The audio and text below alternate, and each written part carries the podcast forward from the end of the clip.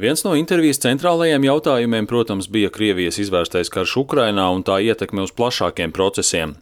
Polijas radio Žuzepam Borelam vaicāja, vai Ukrainas armijas panākumi frontē varētu pātrināt procesu Ukrainas uzņemšanai Eiropas Savienībā.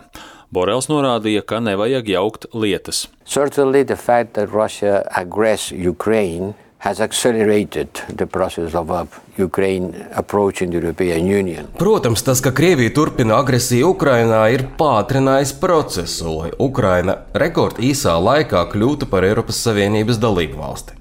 Un mēs cītīgi strādājam, un es personīgi, kā augstais pārstāvis ārpolitikas jautājumos, tostarp attiecībā uz jaunu dalību valstu uzņemšanu, ļoti rūpējos par to, lai mūsu solījumi par pievienošanos tiktu uztverti nopietni un oktobrī Eiropas komisija iesniegs novērtējumu par Ukrainas paveikto. Es atkārtoju, ka pievienošanās process ir uz nopelniem balstīts process, nevis bezmaksas pusdienas. Tā nav dāvana. Tā nav kaut kas, kas tiek garantēts. Uzņemšana Eiropas Savienībai ir jāizcīna, tāpēc Ukrainai ir jāveic nepieciešamās reformas un viņi tās veic ļoti strauji. Ukrainas iedzīvotāji, Ukrainas tauta vairāk nekā jebkad agrāk izjūt vēlme kļūt par Eiropas Savienības dalību valsti. Tas ir fakts.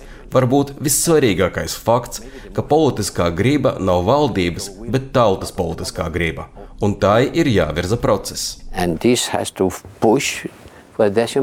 Uz jautājumu, vai ir iespējams, ka iestāšanās sarunas ar Ukrainu sākas pirms miera vienošanās noslēgšanas ar Krieviju, Borels atbildēja izvairīgi.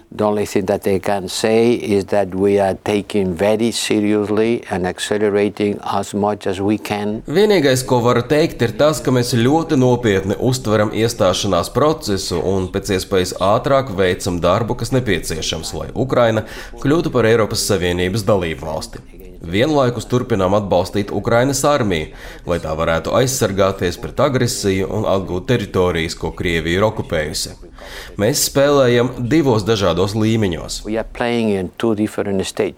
Ziņu aģentūras Euronet Plus žurnāliste Beatrice Ariosa atgādināja par Francijas prezidenta Emanuela Makrona nesenajiem izteikumiem, ka Ukrainai ir jāgūst panākumi pretuzbrukumu operācijās, jo tas dotu Kīvai labākas pozīcijas potenciālajās miera sarunās ar Maskavu. Borels sacīja, ka pievienojas Makrona viedoklim.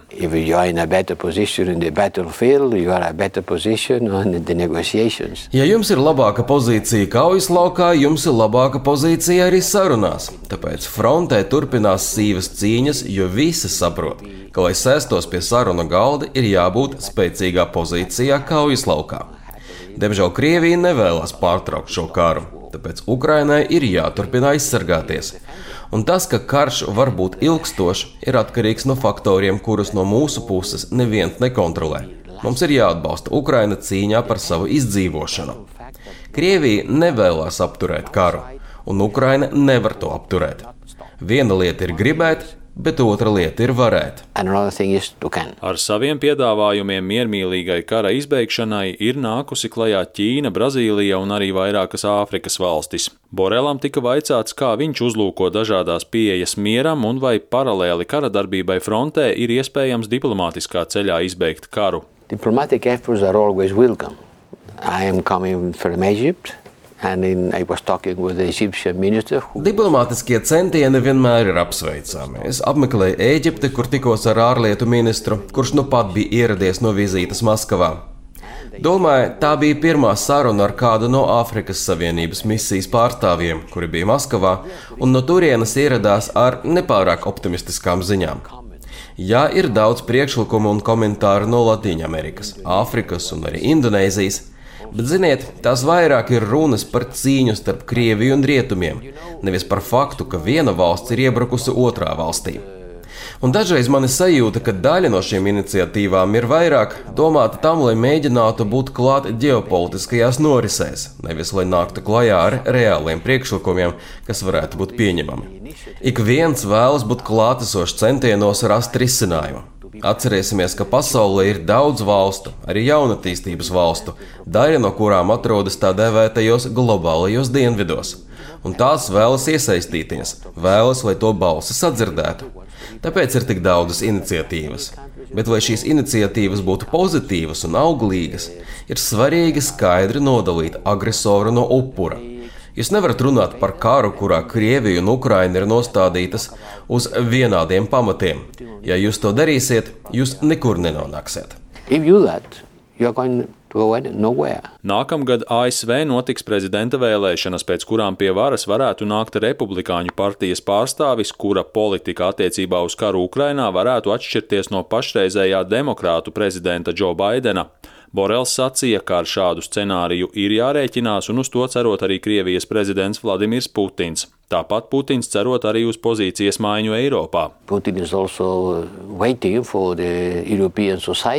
Putins arī sagaida, ka Eiropas valstu sabiedrībām apniks karš un sarežģījumi, ko tas mums rada. Bet es domāju, ka šajā ziņā Putins ir pieļāvis lielu kļūdu.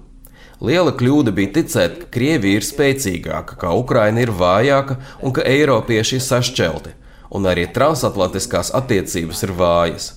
Bet ir noticis pilnīgi pretējais. Transatlantiskās attiecības ir pieņēmušās spēkā, tās ir stiprākas nekā jebkad. NATO ir stiprāka nekā jebkad agrāk. Divas būtiskas valstis, Somija un Zviedrija, pēc Krievijas iebrukuma Ukrainā paziņoja par vēlmi pievienoties NATO. Tādējādi Putins panāca tieši pretējo tam, ko viņš vēlējās. Viņš negribēja, lai NATO dalību valstis ieskautu Krieviju, bet rezultāts ir tāds, ka Zviedrija un Somija tagad ir NATO dalību valstis. Jūlijā Viļņā notiks NATO dalību valstu vadītāju tikšanās, ko klātienē varētu apmeklēt arī Ukrainas prezidents Volodimirs Zelenskis. Kīva neslēpj, ka vēlas, lai NATO līderi samitā uzaicinātu Ukrainu pievienoties militārajai aliansei. Tas gan visticamāk nenotiks, tāpēc Borelam tika jautāts, vai Eiropas Savienība būtu gatava sniegt Ukrainai kādas drošības garantijas. Well,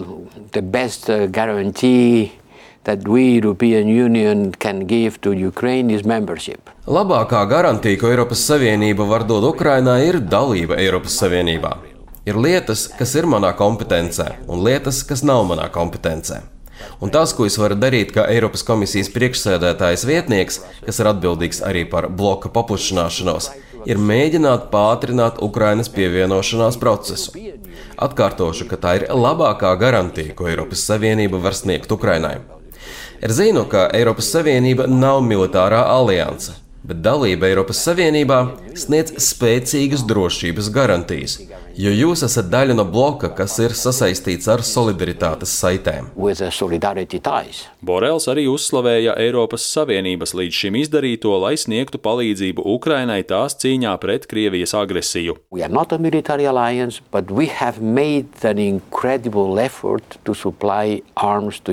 Mēs neesam militārā alianse, taču esam pielikuši neticamas pūles, lai piegādātu Ukrainai ieročus.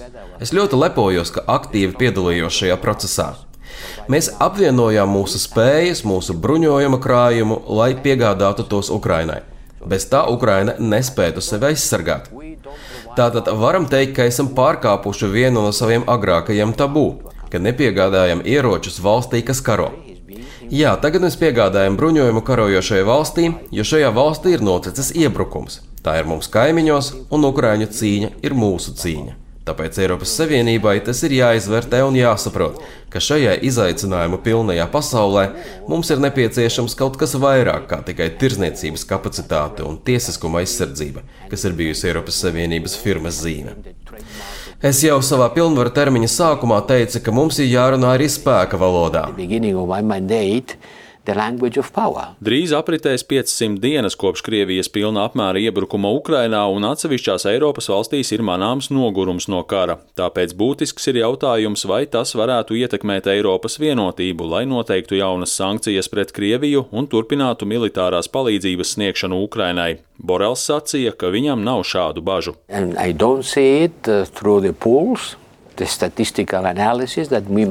Es to neredzu sabiedriskās domas aptaujās vai statistiskajā analīzē, kas ir mūsu rīcībā. Tā nav mana sajūta, te ir statistiski un zinātniski pamatoti dati, kas man ļauj apgalvot, ka Eiropas iedzīvotāji turpina masveidā atbalstīt Ukrainu. Protams, ir atšķirības starp valstīm, piemēram, Baltijas valstīs šīs atbalsts ir daudz lielāks nekā citur. Nevēlos sīkāk iedziļināties, bet skaidrs, ka ir šādas atšķirības. Tomēr, aplūkojot vidējos rādītājus, mēs redzam, ka atbalsts joprojām ir ļoti augsts. Un, kad es runāju ar saviem kolēģiem ārlietu padomē, dalību valstu aizsardzības un ārlietu ministriem, ir skaidri redzams, ka pastāv spēcīga apņemšanās atbalstīt Ukrainu.